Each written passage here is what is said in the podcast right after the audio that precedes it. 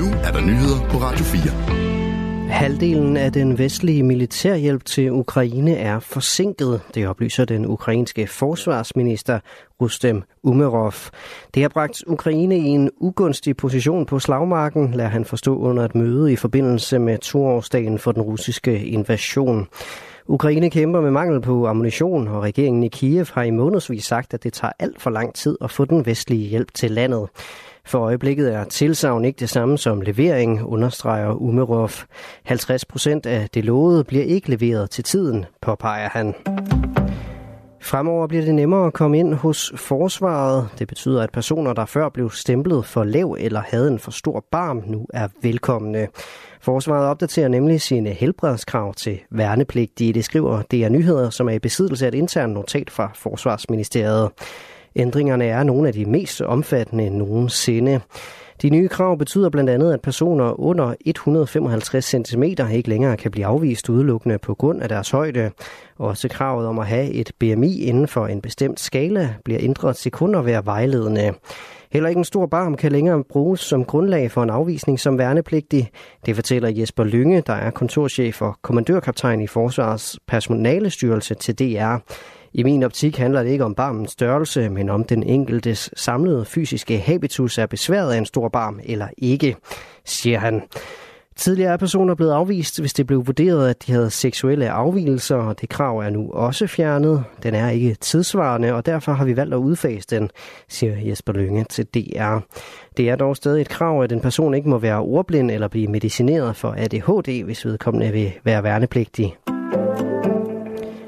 For første gang siden det opsigtsvækkende præsidentvalg i 2020, der førte til masse, masse protester mod regimet, afholdes der i dag landsdækkende valg i Belarus. Men folk i oppositionen har ikke nogen forhåbninger om et demokratisk valg. Mange af dem er faktisk for længst flygtet ud af landet, og oppositionens kandidater stiller ikke op. De anser valget for manipuleret Øh, de anser valget for manipuleret og udemokratisk og vil bekræfte, at præsident Alexander Lukashenko med støtte fra Rusland beholder sit jerngreb om landet.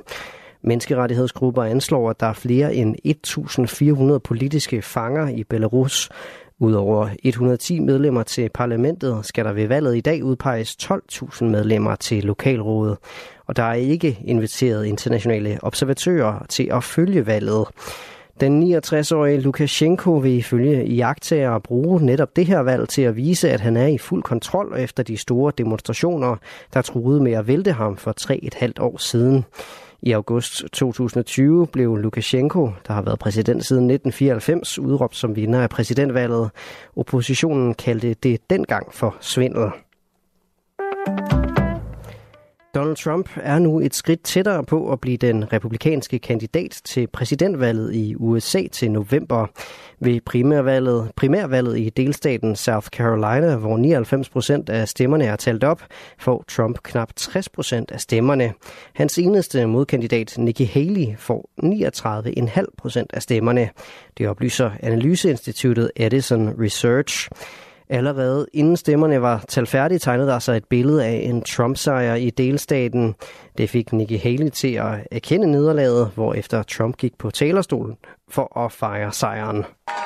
That is really something. This was a little sooner than we anticipated. It was... Lyden er fra DR. Og Nikki Haley nægter dog at trække sig trods nederlaget. Ifølge det franske nyhedsbyrå AFP, så er hun fast besluttet på at kæmpe videre for at blive præsidentkandidat. Jeg sagde tidligere på ugen, at jeg stadig stiller op, uanset hvad der sker i South Carolina. Jeg giver ikke op i den her kamp, når et flertal er modstandere af både Donald Trump og Joe Biden, siger hun. Det amerikanske præsidentvalg bliver afholdt den 5. november i år. Lige nu er Donald Trump favoritten til at blive republikansk præsidentkandidat, og Nikki Haley er den eneste udfordrer tilbage, efter at adskillige kandidater er faldet fra i processen.